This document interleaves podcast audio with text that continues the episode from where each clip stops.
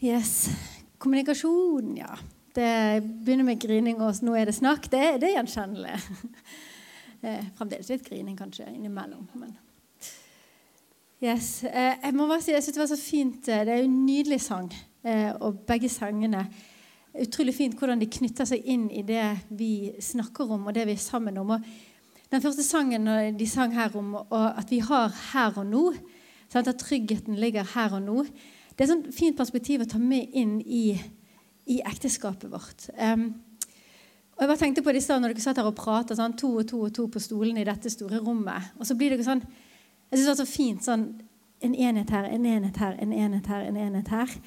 Og jeg tror at det er den tiden vi lever i nå, og spesielt vår generasjon, kanskje, sant, som scroller på telefonen og eh, Når vi ble foreldre og skal prøve å skaffe informasjon til dette store prosjektet fordi vi har skjønt at oi, det er veldig mye informasjon ute og går, så vi bør vel kanskje skaffe oss litt av den, gjør jo at vi får en sånn mentalitet av at det vi har, det vet mange andre veldig mye om, og det må vi bare dra inn, sånn at vi vet hvordan vi skal håndtere dette. Og jeg tror I det så kan vi av og til bare miste det vi har. Altså hvor verdifullt det har. Sånn at foreldre kan liksom i mye større grad føle sin egen intuisjon og skjønne at det er ditt barn. Du kan se, du kan kjenne, du kan vite. En trenger ikke alltid å søke info, men òg med ekteskapet. Hvor fort vi kan se rundt oss og bare sånn Oi, de sånn, og sånn har de det. og de, de opplever sånn, og det der er det jeg lengter etter.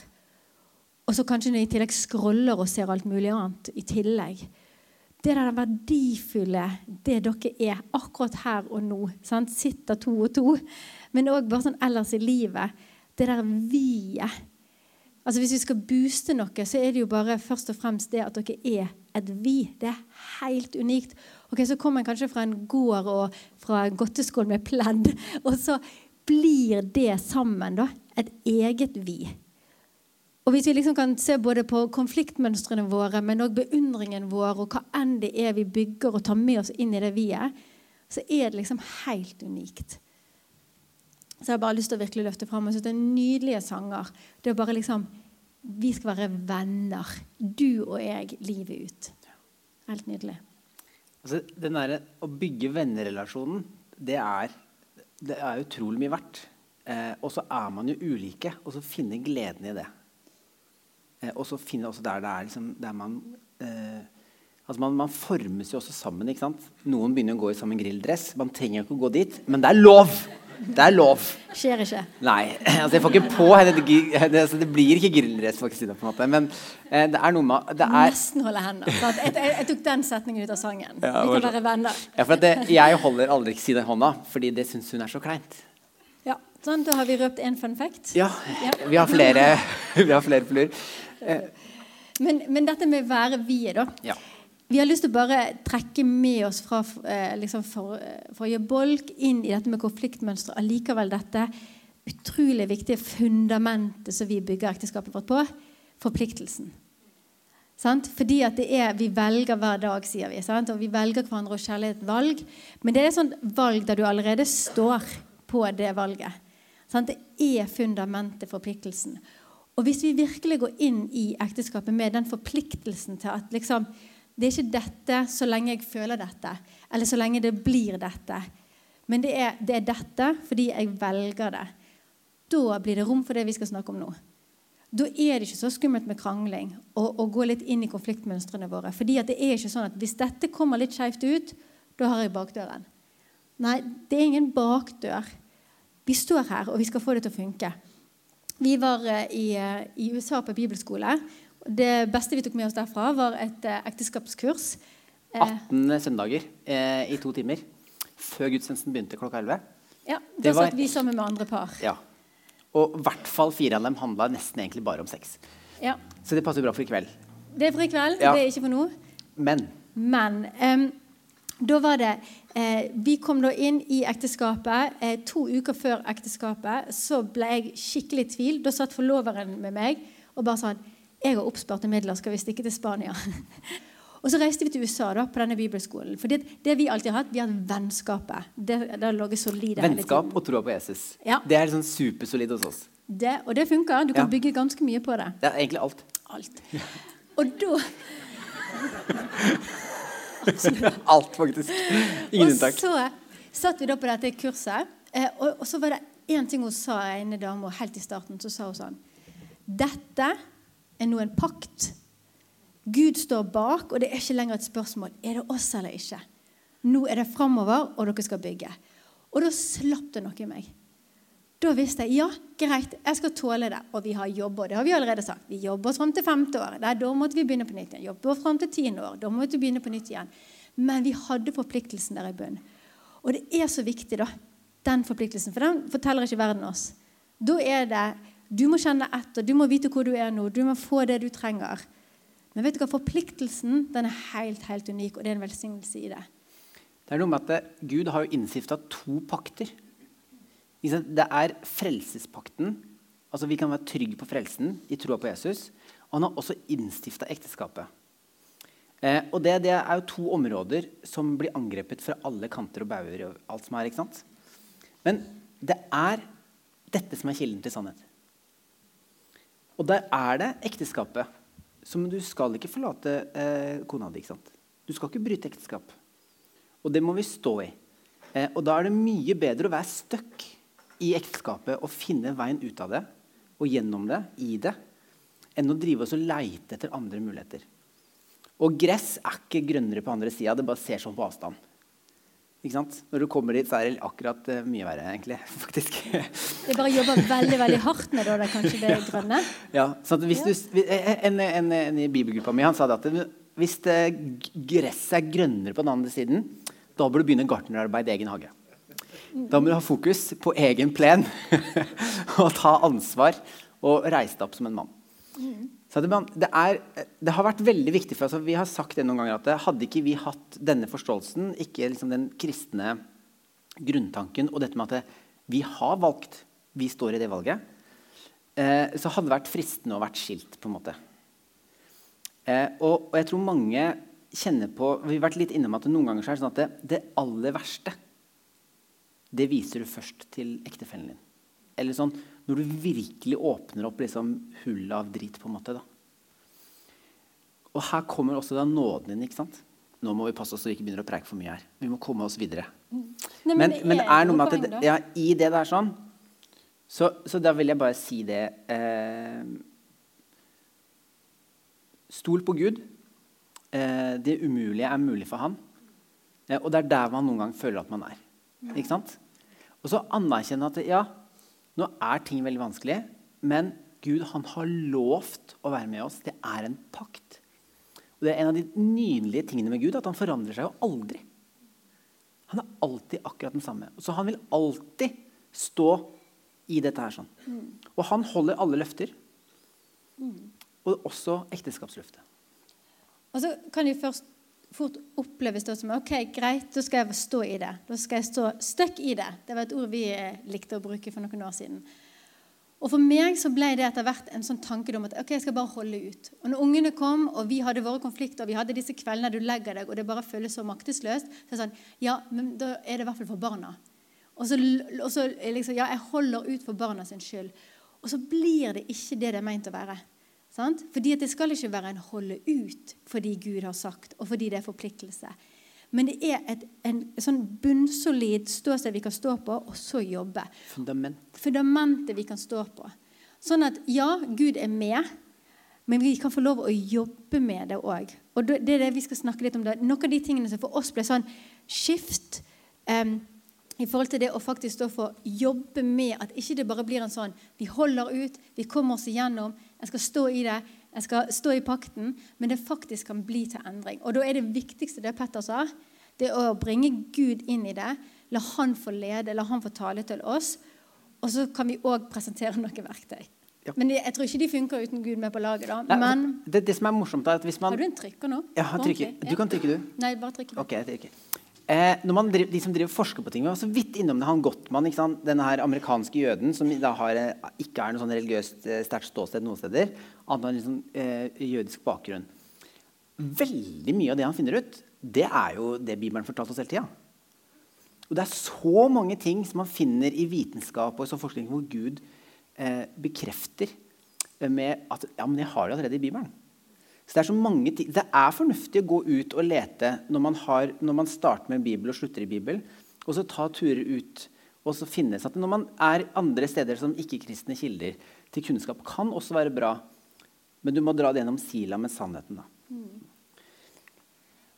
Så her er en av de tingene som gjorde at det løsna for oss. Og, um, og, det er veldig spennende med eksempelet dere deler, uh, fordi at det er, det er, noe med dette vi kommer fra, ofte fra forskjellige bakgrunner.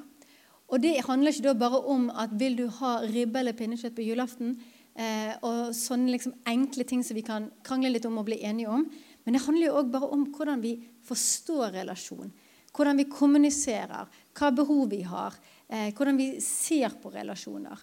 Eh, og dette er en sånn veldig klassisk eh, spiral som kan finne seg i en konflikt. Og Vi var litt inne på det i forrige, forrige um, bolk. Dette her med liksom når en, en krangler. Eh, og det som er at vi, en, Dette kunne hete eh, konfliktmønster, men det står allikevel over strategier for nærhet. For så skal jeg først presentere denne spiralen. Det, du kan tenke deg at en krangler, eh, og da er det én person som har veldig behov for å sette ord på disse tingene. Få det sagt. Gå litt etter. Har du tid? Og så begynner den andre kanskje å kjenne at ja, eh, dette var litt provoserende, det kom litt basun på, jeg er litt uenig, hva enn det er som gjør at en kjenner ah, denne konflikten hang jeg meg på. Men med en annen strategi. Jeg trekker meg litt unna. Jeg blir litt mer stille. Eh, og så går den andre litt mer på, da. Og trekker litt mer inn i den konflikten. sant? Og, og, begynner kanskje etter hvert å bli litt, eh, litt hardere i ordene. Skyter litt fra hoften. Prøver å i hvert fall framprovosere noe respons fra den andre. Som trekker seg lenger og lenger inn og lenger og lenger vekk.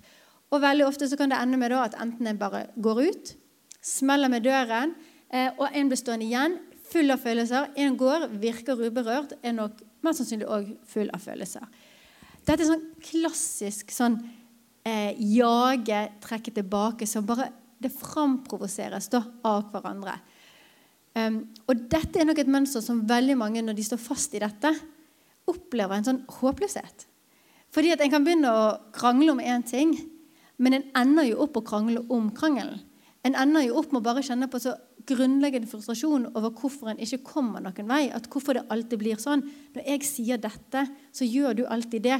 Jeg prøver bare å si hva jeg føler. Jeg prøver bare å si, Og så trekker du deg unna. Ja, men du skal alltid si. Og så opplever en at det bare går i en sånn spiral. Og så er det et eller annet med. Når mønster begynner å sette seg i parforholdet, så er det utrolig vanskelig sjøl å kjenne hvor bryter jeg det.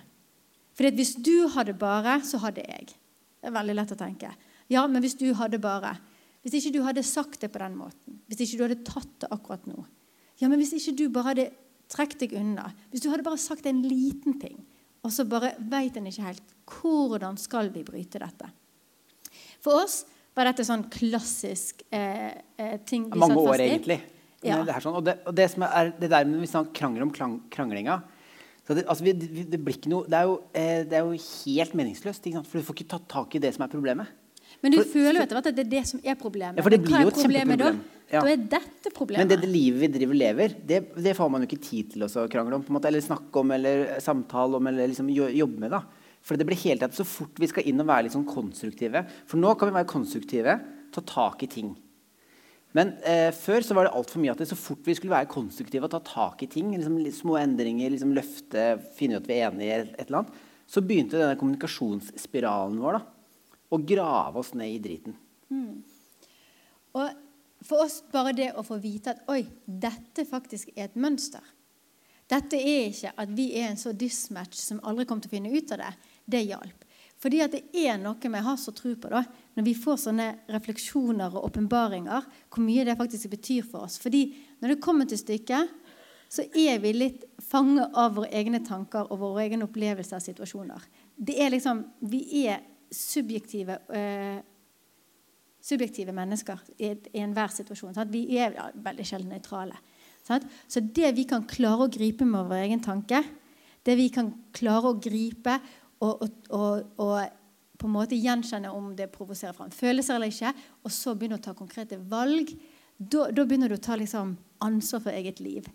Og bare det å oppdage at ah, dette er et mønster, var jo ikke sånn at vi plutselig bare sånn du, La oss slippe å gå i det mønsteret. Jeg har bare tenkt å ta opp en ting med deg sist svigermor var på besøk. Sant? Det er jo ikke sånn det skjer. Men det som hjelper, er at når vi begynner å snakke om denne latente situasjonen, så kan vi gjenkjenne ok, hva skjer nå? Du trekker deg unna. Eller jeg kan kjenne ok, nå begynner jeg å jage og har lyst til å kalle deg noe. Jeg har lyst til å si noe som jeg vet jeg sårer, fordi jeg opplever at jeg får ikke kontakt med deg. Da kan jeg skjønne ok, dette er ikke eh, på en måte eh, hvem jeg er, eller hvem han er. Dette er rett og slett bare at jeg, eh, jeg er nå og jager. Hvis du bare går tilbake til Vi kan snakke litt mer om hvordan vi kan løse det. Men mm. for tingene er en ting som òg hjalp oss etter hvert. fordi vi kom oss litt ut av mønsteret ved at vi ble klar over at mønsteret lå der. Kunnskap. Ja, Og at vi kunne gjenkjenne at oi, du trekker deg unna sammen med veldig mange andre mennesker i verden. Det er ikke bare Petter Eikholt Ottersen på Sotra som aldri burde gifte seg med en vestlending. Ja, det var så deilig. Ja, og så liksom liksom, Petter, lov til å være normal også i dette greiene her. sånn. Ja. Og ikke være aleine og utstøtt, på en måte. Ja. For at det, I møte med eh, eh, alle mennesker altså, de, vi, altså, vi, har jo eh, høy dress av ektepar. ikke sant? Eh, vi prøver å grave litt hver gang vi har mulighet. Eh, og, når vi driver, og noen driver og prater med ikke sant? og har veiledning for og samtale. og sånt noe. Mange kommer opp eh, med problemer og en tendens til å fremstille som unike. Det er det jo ikke. Alt er beskrevet i bøker, eh, forska på og funnet ut svar på. på så, det er, det er ingenting dere har mellom dere som ikke er beskrevet som en greie i ektepar. Så tenk litt på det. Altså, og jeg tror ikke det fins unntak. Nei. Altså, da, da da bør de skrive en bok. ja, da, da, kan dere komme til oss, og så kan vi avkrefte nei, da, det, sant, det, står en bok. faktisk. Er, det, det, er veldig mye av det står i samme bok til og med. Så det er, det er, det såpass vanlig. Ja da, så du er ikke unik. Det er det du liker å si. sant? Ja. Men, men, det som òg er, det er én ting å liksom bli klar over mønsteret, men det er litt sånn eh, litt at det nådeperspektivet kan få litt større plass hvis en forstår også at disse tingene ofte henger sammen med noen strategier for nærhet. Det henger litt sammen med oppvekst, sånn som dere snakker om. Det henger litt sammen med hvordan ble du møtt. Hva strategier lagde du deg når du var ung, når du vokste opp i vennegjengen, på hjemmebane, for å føle deg sett, for å unngå å lage uro, for å føle at det, du var god nok? Dette blir tilknytningsmønstrene våre. Hvis du på en måte fikk mye oppmerksomhet når du lagde mye ståhei, men ikke når du var stille, så vil du tenker at okay, for at jeg er kobla på de menneskene som betyr mest for meg, så lager jeg mest mulig ståhei. Sant? Bare for å sette det helt på spissen. Da er liksom tilknytningsmønsteret ditt å trekke inn i en konflikt veldig fort òg. At når du da kjenner at å, nå må jeg koble meg på ektefellen min Da går for konflikt, da. da går, ja, ja, det går an å se det på som å gå for konflikt. Eller det oppleves som en konflikt, i hvert fall. Men en egentlig er hun ute etter jeg trenger å koble meg på deg. Og om det jeg kobler meg på deg med at jeg skyter fra hoften og sier ting jeg vet sårer, men i det minste får oppmerksomheten din, så det er et eller annet i meg som faller litt på plass av trygghet på at vi er i hvert fall kobla på.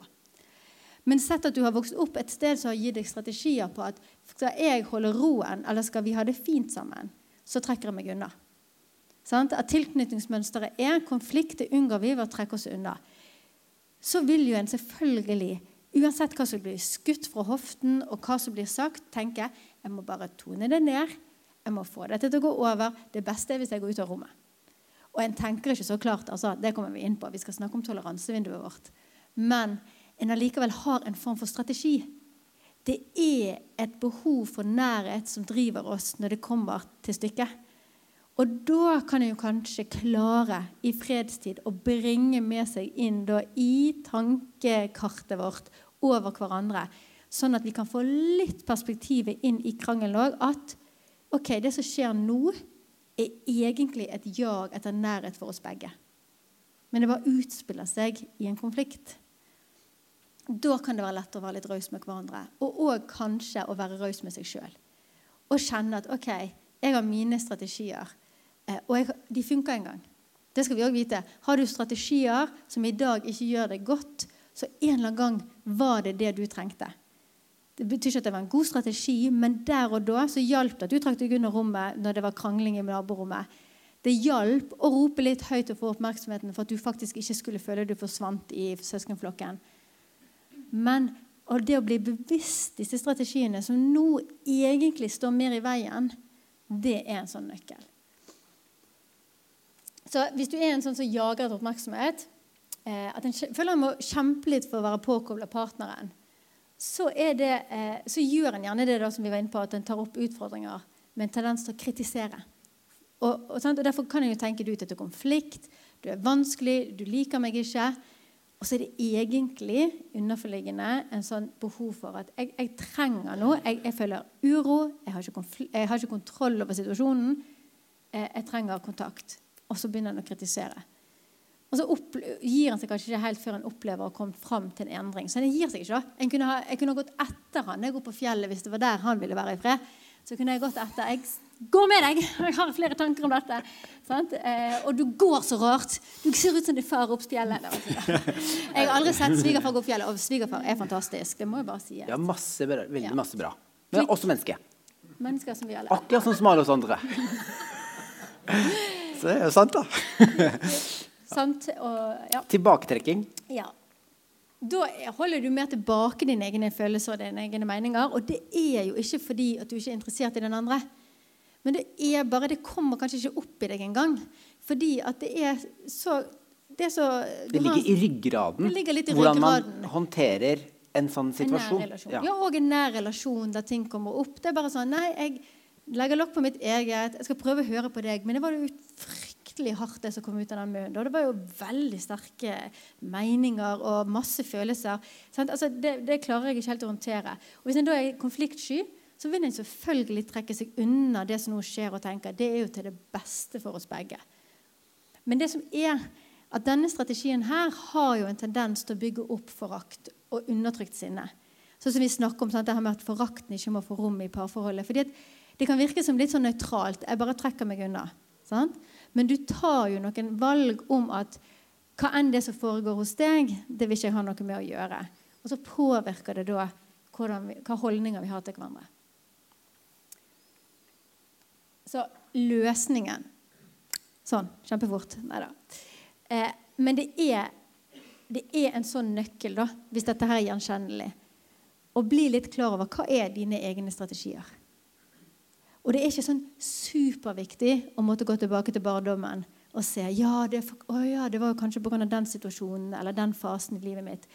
For noen kan det være godt, men det er absolutt ikke nødvendig for at du i dag kan bli bevisst dine strategier.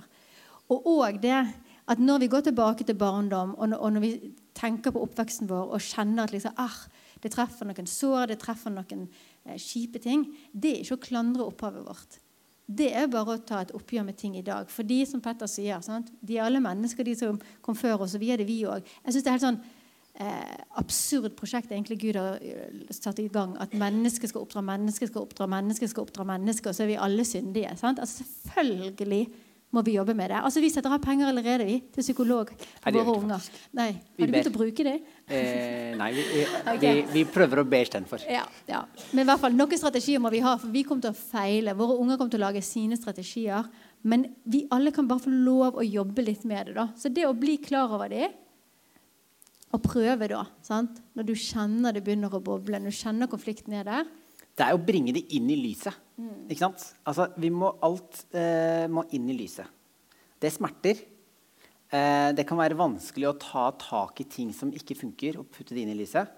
Men når vi gjør det, så er det også det der med det fundamentet at Gud er med. Altså, Gud elsker jo å få ting ut og fram i lyset. Og da stiller han opp. Mm. Ja. Og vi sjøl blir klar over det. Um, jeg føler du du, du, holder en tale og er bare sånn så La oss snakke psykologien i det. Men, men, vi blir jo òg sjøl klar over det. Ja, ja. Disse strategiene. Og da kan vi jo liksom begynne å etter hvert prøve. Og, og, liksom, og det er det jo bibelsk å ta liksom tanken til fange. Sant? Ha et bevisst forhold til hva som faktisk skjer. Og så begynne å ta nye valg.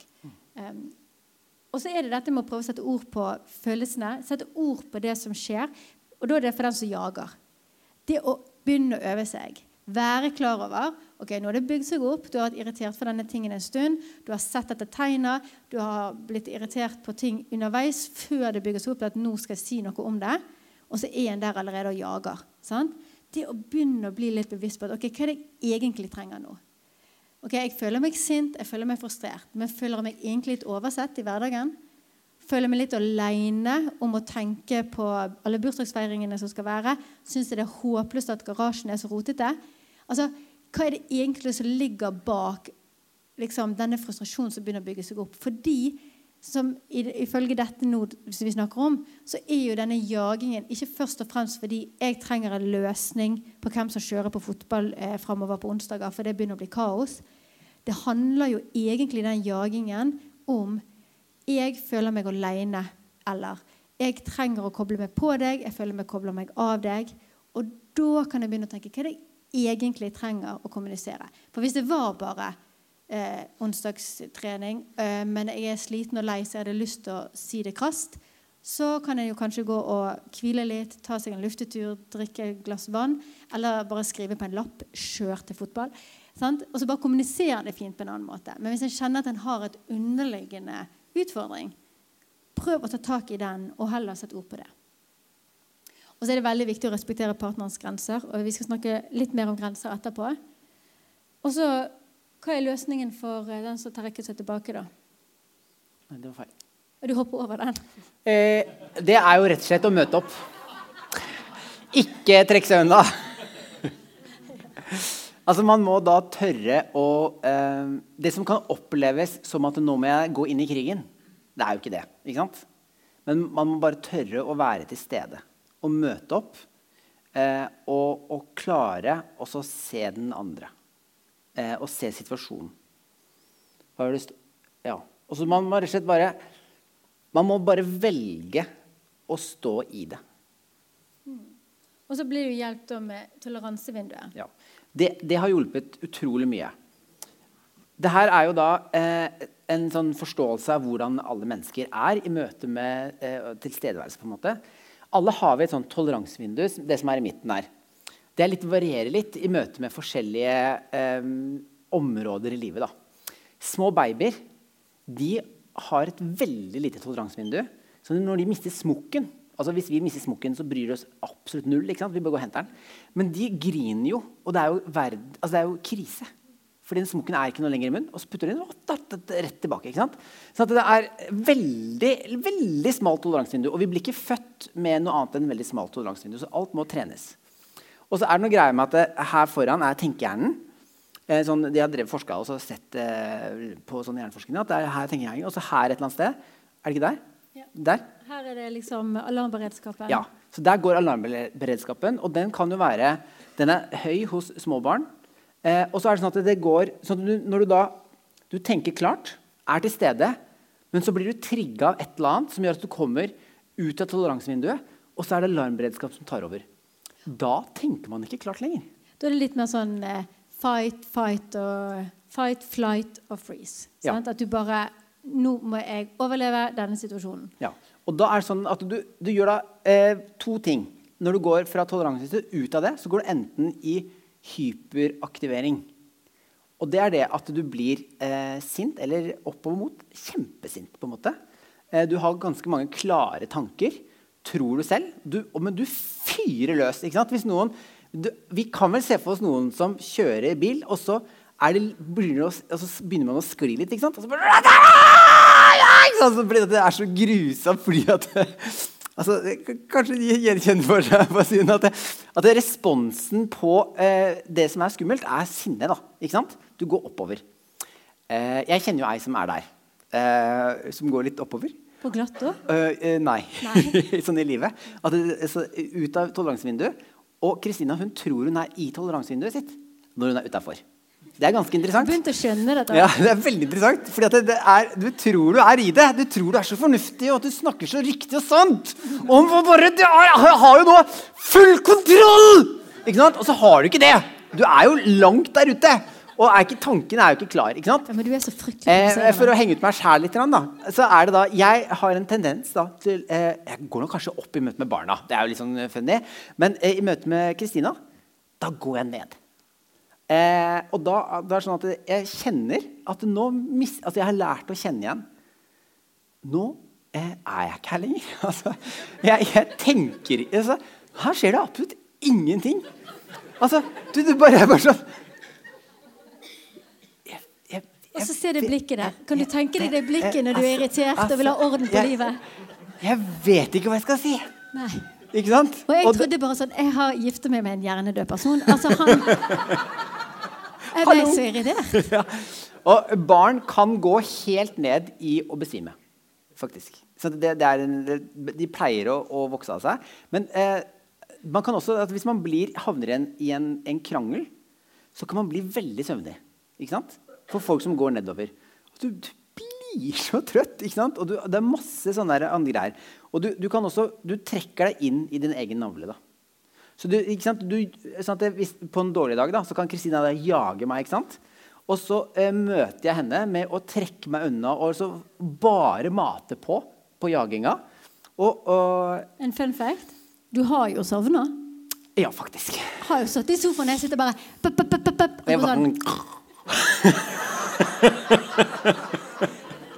og da føler jeg meg lykkelig. Da tenker jeg takk, Jesus. ja, da, altså, Og når du våkner av den der sånn, da våkner du ikke til liksom, har lyst på en kaffe på senga. Liksom. Nei, du gjør ikke det. Heldigvis er det her før, femte, eh, før femårsristarten vår. Det var i hvert fall ikke i går. Nei, det var i hvert fall ikke i år. Eh, nei, men så det her, Den forståelsen her sånn, og det, jeg, det har vært veldig mye lettere å forstå det her hvis man tenker på barn. For den er så utrolig liten. ikke sant? Og det er også dere som har Hvor mange er det, som, er det noen som har barn her? Ja, er, det er en del barn ute og går. Eh, ellers kanskje det er barn på vei. det er sånn at det, Barn er utafor toleransevinduet kjempefort. Da hjelper det ikke å stå og kjefte på dem. akkurat like lite som det hjelper å kjefte på meg hvis jeg er tra- toleransevinduet. Så vi må tilbake, vi må inn igjen. Og hver gang du går inn i toleransevinduet, så skaper det en bane oppi huet. Da. Vi har kjempemange av dem. Eh, og da blir det flere og flere. flere, flere, flere. Etter hvert så blir det en motorvei. For hvis du er i en situasjon på jobb med mye stress, så er det sannsynlig den situasjonen har du stått i kjempemange ganger. Du håndterer det helt perfekt.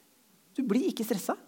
Kan bare, de, kan, de kan bare kaste på deg de der vante problemene som du nå begynner å få sånn kjempepondus og er veldig god å stå i. Null utfordring. Ikke sant? Den muskelen kan du også bygge i ekteskapet. I forskjellige aspekter som blir, du blir satt ut, og du havner utenfor toleransevinduet, så kan du bygge opp den med å igjen få det til hver gang. Så blir den sterkere og sterkere. Og sterkere, og sterkere. Og så er det sånn at det som var da et stort problem her, er det ikke nå lenger. Ja, og så er det det at Hvis du vet at nå er du på vei ut av toleransevinduet, og er klar over da, at nå er jo ikke fornuften din på plass, så er det jo ikke vits å ha den diskusjonen lenger. Men det er jo en øvelse som må til for at du faktisk klarer, eh, hvert fall for de som jager opp, og faktisk klarer å leve med at den frustrasjonen på innsiden nå, den får jeg ikke utløp for på den måten jeg vil. Men jeg må ta og respektere dette parforholdet. Jeg må respektere Petter, hans sine grenser. Og så tenker jeg dette tar jeg når jeg har roa meg. Nå må jeg roe meg. Det viktigste nå er ikke at han blir det jeg har sett for meg han skal være akkurat her og nå. Det viktigste er at jeg roer meg. Sånn at det å lære seg toleransevindu og gjenkjenne det på kroppen er et veldig godt verktøy. Og da er det igjen det vi snakker om i første bolk. Dette med å ha beundring og hengivenhet på plass, det bidrar veldig i disse situasjonene. Eh, å bygge opp liksom Komme over Hotell Cæsar-vibbene og, og sånne ting. Og begynne å se liksom den mannen han var. Og ikke tro at det var... at det ikke Så hun trodde hun gifta seg med en i Hotell Cæsar. Han snakker østlandsk. Jeg syns det var litt vanskelig Ja. i starten. Det var veldig mye klisjé. Ja. Liksom. Um, um, Alt jeg sa, var på østlandsk og sånn som på TV. ja, liksom. Jeg er blitt med i en såpeopera. Ja. Ja, det har jeg faktisk. Men, eh, men det, det som også hjelper, da, det er at man kan snappe ut av det. Sånn at når man blir det bevisst, så man begynner å bygge opp disse banene, så kan du hoppe inn igjen i toleransevinduet, og så kan man faktisk fortsette en god samtale. Og at den ikke ekskalerer til et eller annet håpløst. For det handler jo om det der å prøve å forstå hverandre. Så det er derfor vi knytter dette opp mot kommunikasjon. For det dere får av oss i dag, er jo ikke da Her er noen kommunikasjonsredskaper. Prat sånn, ikke prat sånn. Men det er faktisk mer å forstå hverandre enn bare litt vanlig. Vi har En av de tingene som vi har eh, Som er viktige, da. Eh, jeg ble litt sånn utfordra på en eh, kompis her. sånn. Men eh, Petter, hva, hvordan er det du ser på eh, forholdet i ekteskapet mellom mann og kvinne? For det sier jo Bibelen noe om. Og det er kjempespennende å dra fram. Og da er vi jo i Efeserne eh, 5. Og så takk alltid for Gud eh, og Far for alt i vår Herre Jesus Kristi navn. Og rett før det bli fylt av ånden, ikke drikk deg dritings. på en måte, ikke sant? Og så sier Paulus Vær hverandre underordnet i ærefrykt for Kristus. Og så snakker vi videre med at eh, kvinner underordner dere ektemannen deres. Det er, jo, det, er jo, det er jo ikke sånn populært å si. på en måte. Og så sier han mann, du skal gi livet ditt som Jesus ga livet sitt for kirken, for kona di.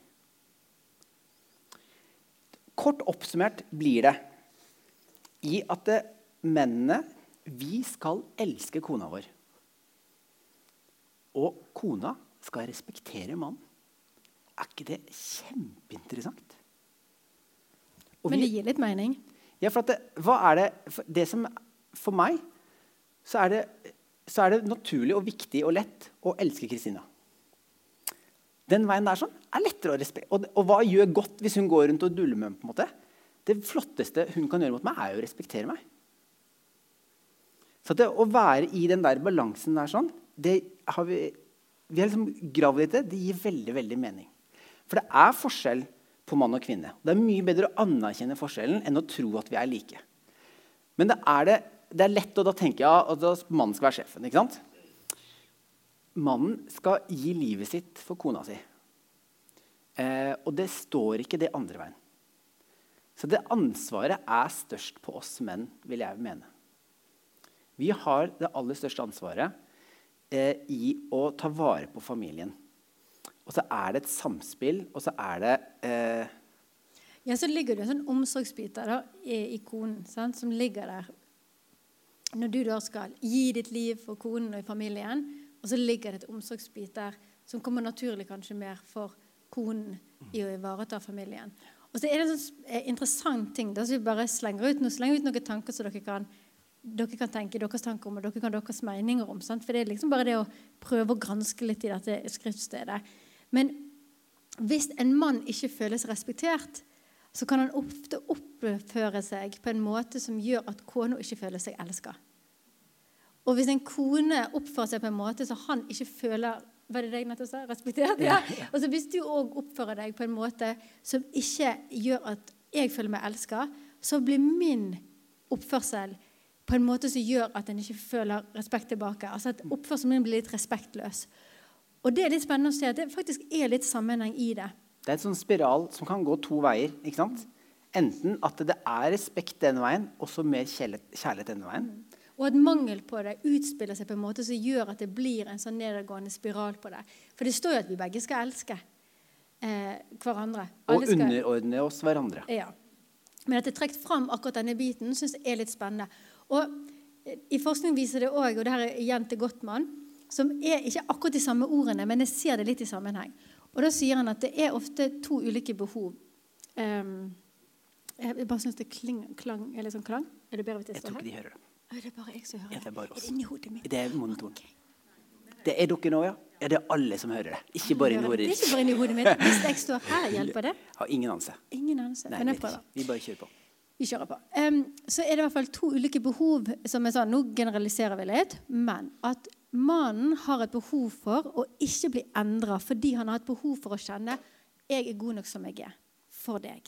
Jeg er den du trenger at jeg skal være. Jeg er den jeg skal være, og jeg håper liksom det er godt nok for deg. En kone har ofte et behov for jeg trenger å kjenne på tillit. Jeg trenger å kjenne at her er det trygt. Sant? Sånn at veldig ofte i en konflikt så kan da et, en kones jag, da, hvis vi bruker de samme bildene, etter Kan jeg stole på deg her? Kan jeg ha tillit til deg her i dette? Kan komme ut som en sånn Hvorfor ikke? Det er så typisk deg. Kan du endre dette? Fordi jeg lurer på. Jeg føler meg ikke trygg. Jeg trenger dette. Det kan treffe hos mannen som en sånn Kan ikke du endre deg? Kan ikke du, kan ikke du gjøre det på en annen måte? Sant? Og så blir det en sånn negativ greie. Og det blir liksom den respektløse, egentlig. Sant? At liksom at en jager etter en sånn Du må endre deg. Og så er det den kjærligheten som skal komme som en form for sånn tillit. Sant? Denne kjærligheten som kommer i uttrykk av at Vet du hva, vi er to om dette. Vet du hva, Dette bærer jeg sammen med deg. Vi har et sånn klassisk eksempel der vi skjønte dette litt. Det var eh, garasjen vår. Den er ganske stor. Og eh, jeg føler vi Har plass kaster til mye ting søppel. Men eh, ikke bil. Og jeg føler vi kaster ting hele tiden. Og vi har vært inne, jeg har til og med hatt min mor med, vi har rydda og sortert litt. Og det er veldig mye nyttig, om, som sikkert er nyttig om 15 år og 20 år. og sånne ting, Så vi har nede i den garasjen. Eh, og det bare blir flere av alle disse tingene. Den ene lille skruen og det ene lange tauet og alle sånne ting. Og så, i hvert fall, Vi hadde en form for system. Og så hadde ikke jeg vært nede i den garasjen på en stund, for den som sagt, den er lukka, og bilen står utenfor. Og så trengte vi noe i garasjen. Og Petter hopper ut av bilen. Eh, 'Det går fint. Bare fest ungene. Jeg kan hente det.' Så sier jeg, 'Ja, det går fint. Jeg kan hente Bare gå inn i bilen.' Og så går han bort og åpner opp sånn. sånn, Altså, hvor, langt, hvor langt kan du gå? Hvordan kan du komme deg inn i den garasjen uten å åpne den? liksom? Jeg bare sånn, opp og åpner, sant? Er bare sånn, wow. Altså, det, er helt, det er helt utrolig, hvis du spør meg. Altså, Hvordan kan jeg komme meg inn i denne garasjen, og hva er her inne? liksom? Um, og da blir jo jeg sånn hva er det, Petter? Ser du den sykkelen der? Den, den, den må jo sende til reparasjon til neste år hvis ungene skal sykle på den. Det, det, det her kan jo ikke være trygt. Altså, Her blir jo ting ødelagt. Og da kunne det ha vært en krangel om at du er et rotehauge, jeg har lyst på system. Eller du har holdt dette skjult for meg, jeg visste ingenting om det. Men for meg ga det mening å skjønne. Det jeg ble mest frustrert over når jeg lukket opp den eh, garasjeporten, det var akkurat det at den sykkelen sto og ble lent inntil av en annen sykkel med noe annet inntil seg. Og så tenkte jeg det der kan jo umulig være bra for sykkelen. Nå ser jeg tusenlappene fyke, for alle må få nye sykler til våren. Sant? Så kjente jeg på egentlig Kan jeg ha tillit til deg bak denne døren? Jeg trenger ikke ha det ryddig. Det er helt fint hvis du vet hvor den ene spikeren er inni dette kaoset her. Men jeg trenger å vite at vi er to om å tenke at syklene må være på plass til våren. At pengene strekker ikke til hvis det ikke. Og så hadde vi en sånn spennende opplevelse da, at dette tok vi opp i en pod der det satt en annen eh, coach. Da turde Petter å sette ord på noe. For hva tenkte du angående garasjen? Altså, Jeg husker ikke. Oh. Det er fortenkt. Du Du, du, du, jeg, har- jeg kan ikke dette. Jeg, henger ikke med. Jeg husker jeg, Det var noe bra nå som vi kom fram til, som jeg fikk satt litt ord på. Ja, fordi Ja. du sier jo til meg da Å ja, ja, ja, jeg har, jeg har ikke fått rydda. Jeg, og ja, jeg, er skal tenke, Når skal vi klare å få gjøre det? Men når det satt en annen mann som spurte sånn Petter, hvorfor rydder ikke du den garasjen? Så sa han da, mens jeg satt på andre siden, eh, litt langt fra Ja, kunne jeg det. ikke Nei, jeg ser ikke på det som som så viktig. Jeg, ja, Det jeg er, ikke, det er ikke så viktig. Altså, det, er jo, det er jo kaos, men det er orden i det kaoset, og det går fint. Og med andre ord, sant? Det den frustrasjonen egentlig handler om Han ville ikke endres. Så han står der og sier sånn Ja, ja, ja, uff, ja, ja vi skal fikse det. Skal vi sette av en dag neste uke? Men så inni seg så sier han sånn Ikke gidd å endre meg. Jeg har tenkt å ha det sånn, og jeg kommer aldri til å bruke de spikrene. Og jeg syns det er helt greit. Ok? Ja, det, er, det er- det mye sant i det. Jeg har lyst på ikke nye spiker, på en måte, men uh, Ja, Altfor mye spiker. ja, skruer. Skruer, Ja. Ok, unnskyld. Uh, men Poenget er det veldig ofte, da, hvis vi liksom går litt i bunnen av hva som egentlig foregår, så er det nok sånne mekanismer mellom oss. Eh? Der jeg egentlig hadde ikke et, ut, egentlig et ønske nå skal jeg være helt ærlig, så har jeg selvfølgelig et ønske om at han skal være mer ryddig. Men det går liksom ikke på ekteskapet løs om man ikke blir det. Men den tillits-mistilliten jeg følte, den er litt mer sånn ah, tung for ekteskapet. Og det er den jeg egentlig må sette ord på. Sant? Ikke begynn å si, for jeg vet at hvis vi begynner det prosjektet, ryddeprosjektet, så er det umulig å sortere de skruene. Men, men jeg trenger å vite at jeg kan stole på han. Og du trenger å vite at jeg aksepterer deg for den du er med alle skruene dine. Ok. Skal vi gå videre? Ja, vi skal gå videre. Altså. Vi har egentlig bare to minutter. To minutter igjen. Ja. Ja, for da er det siste punktet Ja. Jeg men- ja, hva, er, hva er det siste punktet? grenser. Grenser. Jeg vil bare si én ting før grenser. Ja. Eh, vi har vært innom ekteskap. ikke sant? Eh, Bibel, Gud, eh, pakt. Eh, da vil jeg si et eh, be sammen. Det er utrolig nakent å be sammen. At det kan være, altså, det er, så- jeg, jeg elsker jo bønn, da. Eh, jeg elsker bønnemøter. Eh, jeg elsker bønn i, egentlig hvor som helst. Men det vanskeligste stedet å be, det var mellom oss. Ikke sant? Altså, det var så, altså, det, altså, den der følelsen at du ber feil, var sterkest i denne relasjonen. her sånn. Eh, og sjansen for kritikk med, ja. var også sterkest i denne relasjonen. på en måte. Men det har vi jo slått fast det er en bra ting. ikke sant? Så det, men det er noe med det der at det, Når vi ble ferdig med de manipulerende bønnene, som at kjære Jesus, jeg ber om at han kan bli litt flinkere til å Ja, ikke gå der. altså Prøv å lede ånden, på en måte, ikke bare av kjødet. Men eh, det derre be sammen eh, Begynn eh, altså Jeg vil bare oppfordre til å tørre å være så naken at man ber sammen. Eh, jeg hørte en eh, info som jeg ikke vet er sann, men var en, en studie som hadde funnet ut at av ektepar som ber sammen regelmessig, så var det sånn under 1 promille sjanse for at de ble skilt. Det er nok et uttrykk for at de som er nære, de kan be sammen. Men er du ikke nær, så klarer du ikke å be sammen. Men det er nok mange som er nære og ikke fortsatt klarer å be sammen. fordi det er et eller annet der sånn. Men ta med Gud inn i alle ting. For det er ingen unntak for hva og hvor Jesus kan få plass i livet ditt. Og da kan vi jo, for Det går jo litt sånn fint inn i grenser at da er jo det viktigste også, kanskje også at en har et nært forhold sjøl. At en har et aktivt bønneliv sjøl for å kunne bringe det inn i ekteskapet. Og det å be for hverandre, å be for salmer og bibelvers over hverandre, er jo en enorm styrke. Vi har sånn fantastisk vitnesbyrd i et vennepar der hun bare sto i en utfordring med han med spilleavhengighet, og så bare ba hun for han I i så år. mange år, og så ser du han reiser seg opp og kommer ut av det. sant? Den der makten og den der autoriteten jeg tror vi har som ektefeller over hverandres liv i bønn, den er så sterk. Men hvis vi begynner der, så blir det kanskje lettere òg å komme tett på i bønnelivet. Men da bare kjapt hadde vi lyst til å bare nevne dette med grenser. Ja, det, det, vi, vi, vi tar på en måte litt sånn glidende overgang inn i det neste. Inn i neste. Så dette er jo på en måte introen til det arbeidet dere nå skal få gjøre. Og sitte med litt sånn samtale. Ja. Og da er det den tilbake til det. Ikke dra den for nå, for tar fram mobilen, så mister vi jo hverandre. på en måte. Eh, men grenser. For vi har jo sant, om vi-et og det der å bygge den sterke vi-følelsen og det å være i et konfliktmønster. Sant? Og det er veldig sånn, det er tett på. Vi, bønn, sant? det intime. Men vi har en uh, siste fun fact. Det er at vi uh, vant en uh, parsamtale med Frode Tuen. Og det er første parsamtale vi har hatt. Jeg måtte bli familieterapeut for å skjønne at terapi er faktisk kjempebra. Så nå anbefaler jeg det til alle. Men jeg, det er han som har prøvd å få oss med så mange ganger. For jeg tenkte nei, det er Ingen ikke håp allikevel. Ingen forstår oss. Det er, vi er så unike, for det er ingen som har disse problemene. Ja, Det- så det jeg ville ikke gå til parsamtale helt til jeg da studerte og skjønte at dette er jo faktisk livet laga. Mm. Og når jeg da i tillegg vinner en liten samtale med Frode Tuen i en halvtime, Altså en veldig sånn anerkjent eh, ja, en familieterapeut. Ja.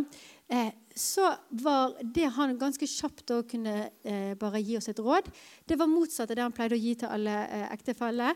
Det var gjør mindre sammen. så vi var litt mer for sånn. Men vi trengte å finne litt mer sånn. Eh, og det handler om grenser. Men uansett om du er sånn eller sånn, så tror jeg likevel at vi må være bevisste grensene våre.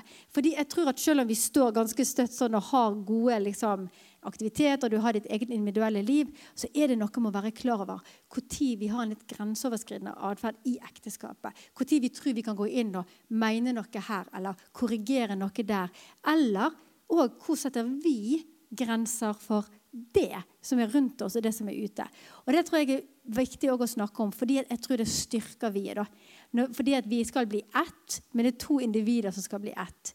Og det å være klar over liksom, ok, hvor går mine grenser.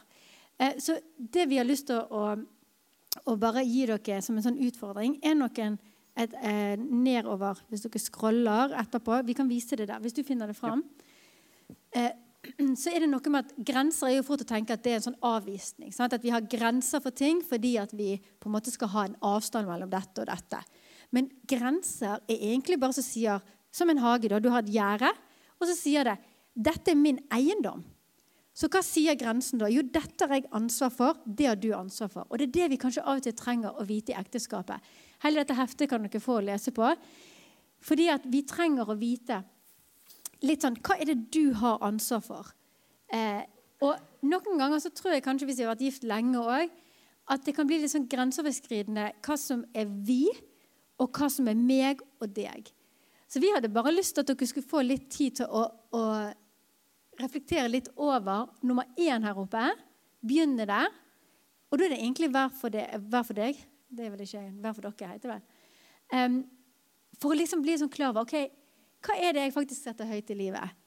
Og, og for jeg har veldig tro på dette å bli klar over sine egne verdier. Dette må bli litt klar over hva er viktig for deg, spesielt i den tiden vi lever i med så mye input. Og òg da i et hektisk hverdagsliv som vi snakker om nå, sant? og booste parforholdet.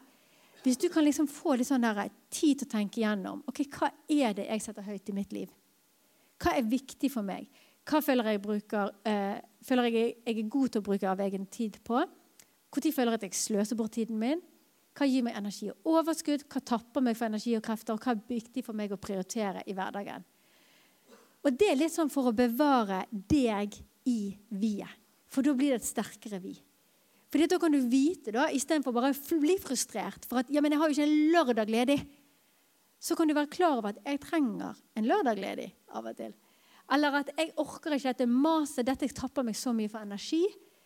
Ok, Da kan du være klar over det, og så kan det kommuniseres og formidles. Og så blir det mye lettere å kommunisere. For hvis vi vet hva som er viktig for oss, så er det lettere å sette ord på det. Istedenfor sånn som vi var litt innpå, som vi gjerne kunne snakke mer om, bare bli styrt av følelsene. Går, ja. Jeg må fortelle et vitnesbyrd. Fordi vi, eh, Etter at vi har jobba litt med det her, sånn, så ble det mye lettere for meg å se masse ManU-kamper. Eh, fordi at det, det er rett og slett viktig for meg. Eh, det, har, det, er en hobby jeg har. Og så forsto Kristina det på et helt annet plan. Så det er mye lettere nå. Ikke når det er leggetid, da. men når jeg ser i opptak. Jeg liker det faktisk. Eh, så da blir det mer ManU-kamper på Petter. Men bare sjukt stressa for at ingen skal vise resultatet.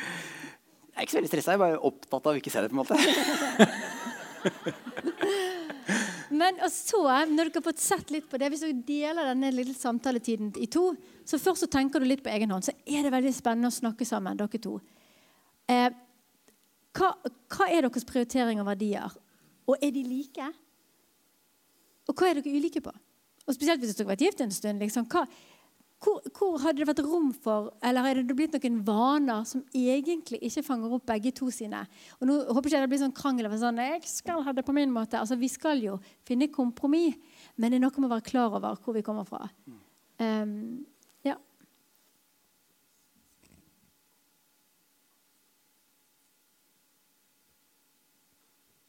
Altså, det her er jo et arbeid som eh, tar en del tid. Som er, det er en investering. Det er som å putte penger inn i en bank med ekstremt høy avkastning. Ekteskapet ditt. Sånn at det, å sette av tid og da kan man, Noen er jo sånn at det, det, å prate i 20 minutter det er mer enn lenge nok. ikke sant? Da kan du bli enig om det. Skal vi sette av? Prate i 20 minutter, sett på klokke, så er det ferdig. Så går vi og gjør noe annet. Og det er jo grenser. Ja. Å respektere den andre sine grenser. Eller altså, nei, å prate i to timer det er jo null stress. ikke sant? Ja, men Da finner vi en, en, en spot da, med to timer prat. på en måte. Så avtal. Vær litt sånn der, Dra fram kalenderen for dere som trenger det. Uh, gjør noen avtaler mellom dere og følg dem opp på å sette av tid til investering med ekstrem avkastning i ekteskapet deres. Mm. Og Da kan dere gjerne dra fram denne, her, uh, denne PDF, dette heftet her sånn, og så ta tak i liksom disse forskjellige tingene som er her. Ja, og så har jeg bare lyst til å vise dere da, så dere kan bruke tid til en gang. Hvis dere setter av 20 minutter eller to timer. Ja, sånn, ja. Sånn. Fordi at her er åtte, åtte, områder som vi har tenkt at her er det viktig å ha grenser for ekteskapet. Og det å se på det, liksom, hvordan en forholder seg til familie utover en sjøl. Kommunikasjon, hvordan en snakker sammen. Hvordan har eget privatliv, familieliv, regler, individualitet, penger. altså Det er forskjellige ting. Eh, så gjerne, gjerne scroll gjennom det. dere som sagt, Last det ned på telefonen deres og lag det. Ja, men kos dere litt her. Hva er klokken nå? Ja, Så da blir det vel fram til halv? Ja. Yes.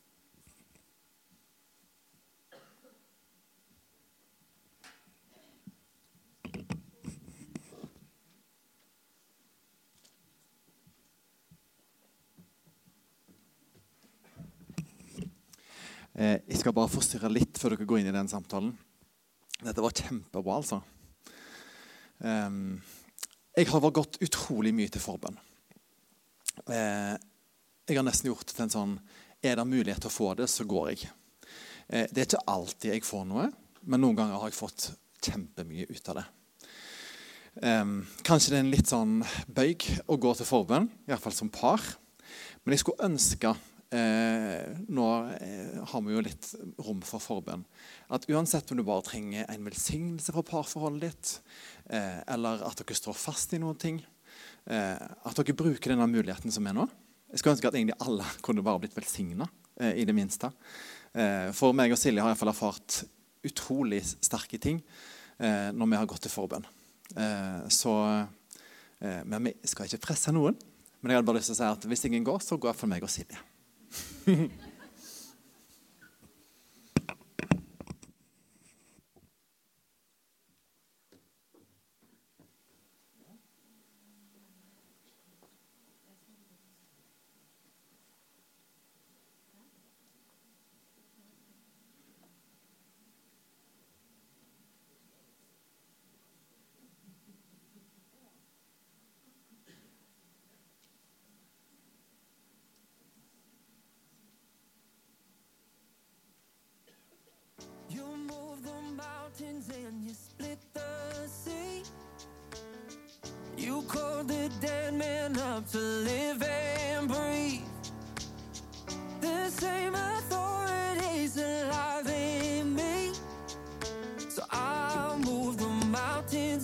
Altså For dere som trenger litt space, så kan dere jo ta med dere ektefellen og så sette dere et annet sted. Eller finne et eller annet sted hvis dere føler Nå er vi litt eh, tett på her sånn.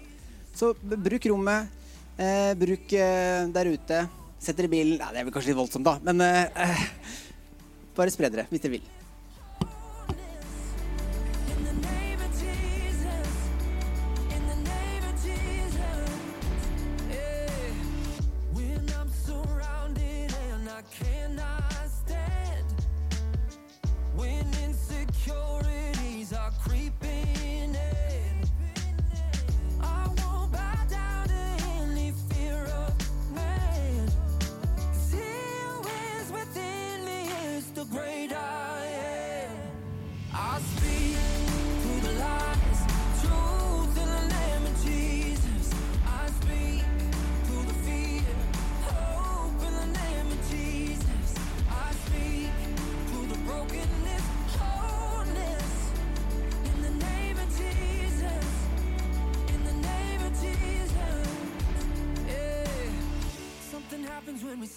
Your praises, Something happens and the whole room changes. It's the power of your name. Oh, the name of Jesus. Something happens when we sing your praises. Something happens and the whole room changes. It's the power of your name. Oh, the name of Jesus. Something happens when we sing your praises. Something happens and the whole room changes. It's the power of your name.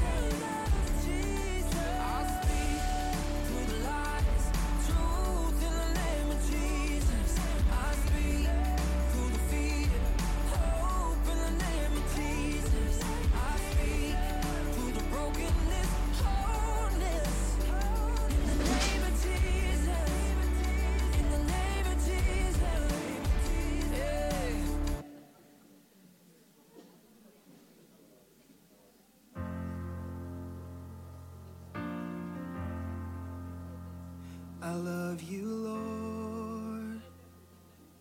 Oh, your mercy never fails me.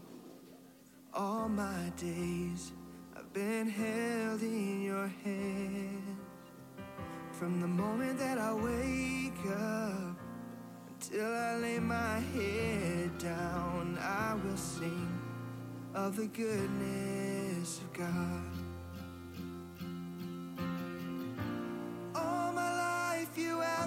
Faithful.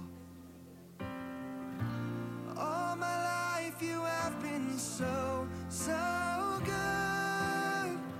With every breath that I am able, I will sing of the goodness of God.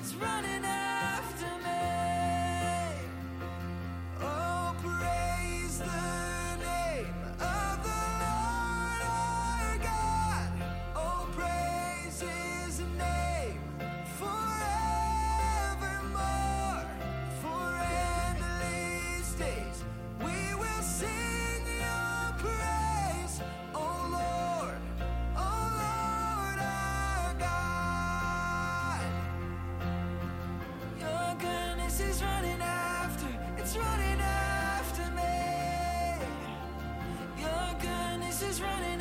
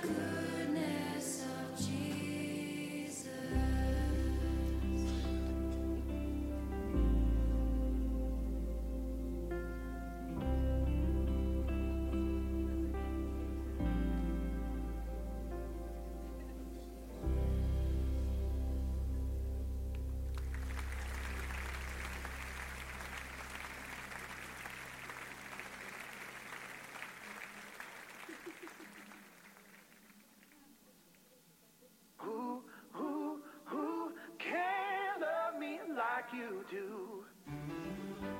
I can be prone to wander, too full of pride sometimes. I don't make it easy to love this heart of mine.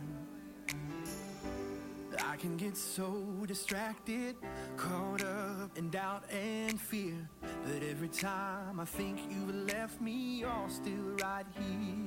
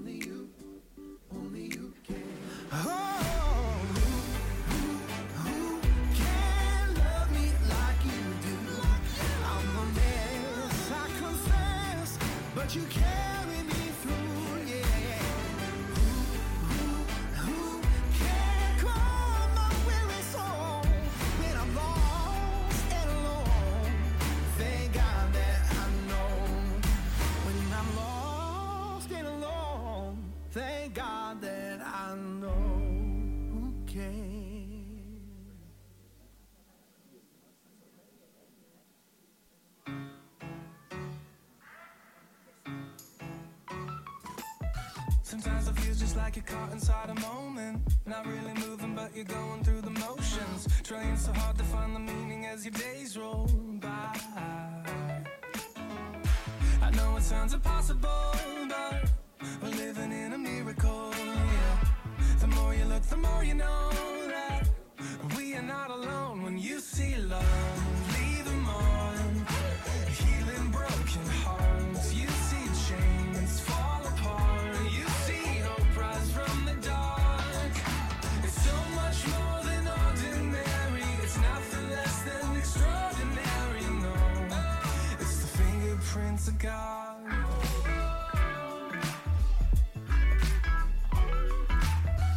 It's written in the way the stars break up the night. The proof, the clarity that opens up our eyes. It's all around and inside of you and I. I know it sounds impossible, but it's actually a miracle when you see love. Leave them healing broken hearts. You see chains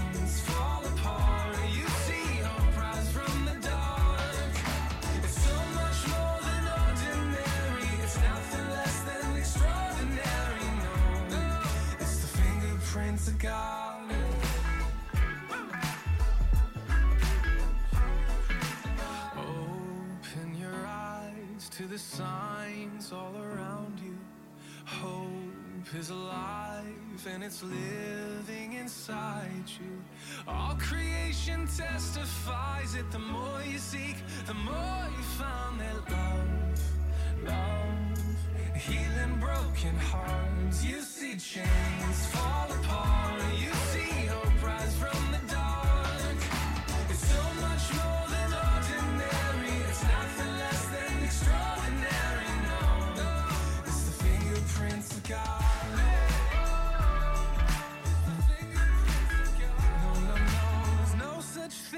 ordinary. We're nothing less than extraordinary, no.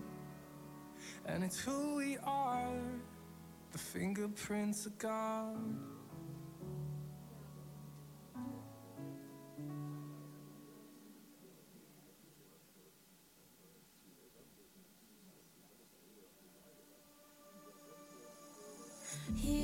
we go get my mind racing. And i can't seem to win all these crazy thoughts and feelings. It's like it never ends until your voice breaks through my noise.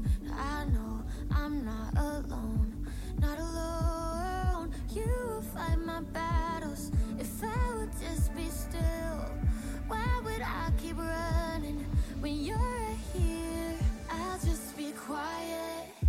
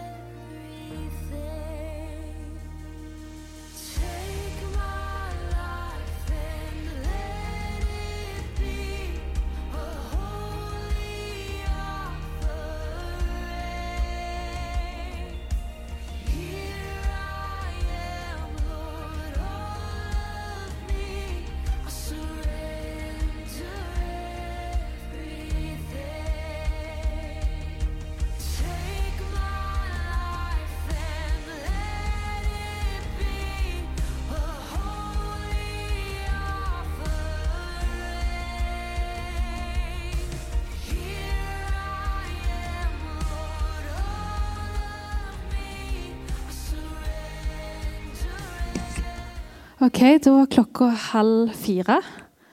Tusen takk for at dere har brukt denne dagen og ettermiddagen her. Eh, velkommen til dere som skal bli med på datekveld i kveld. Da er det altså døren åpnes klokka syv, og så begynner vi halv åtte. Vi prøver presis å begynne halv åtte, så det er fint at dere kommer litt før. Eh, der er én billett. Ja, det skal være i Frikirka. Ja. Det er veldig viktig. ja. Den er bare rett bort forbi her. Hvis ikke, bare spør meg etterpå hvis jeg skal vise vei.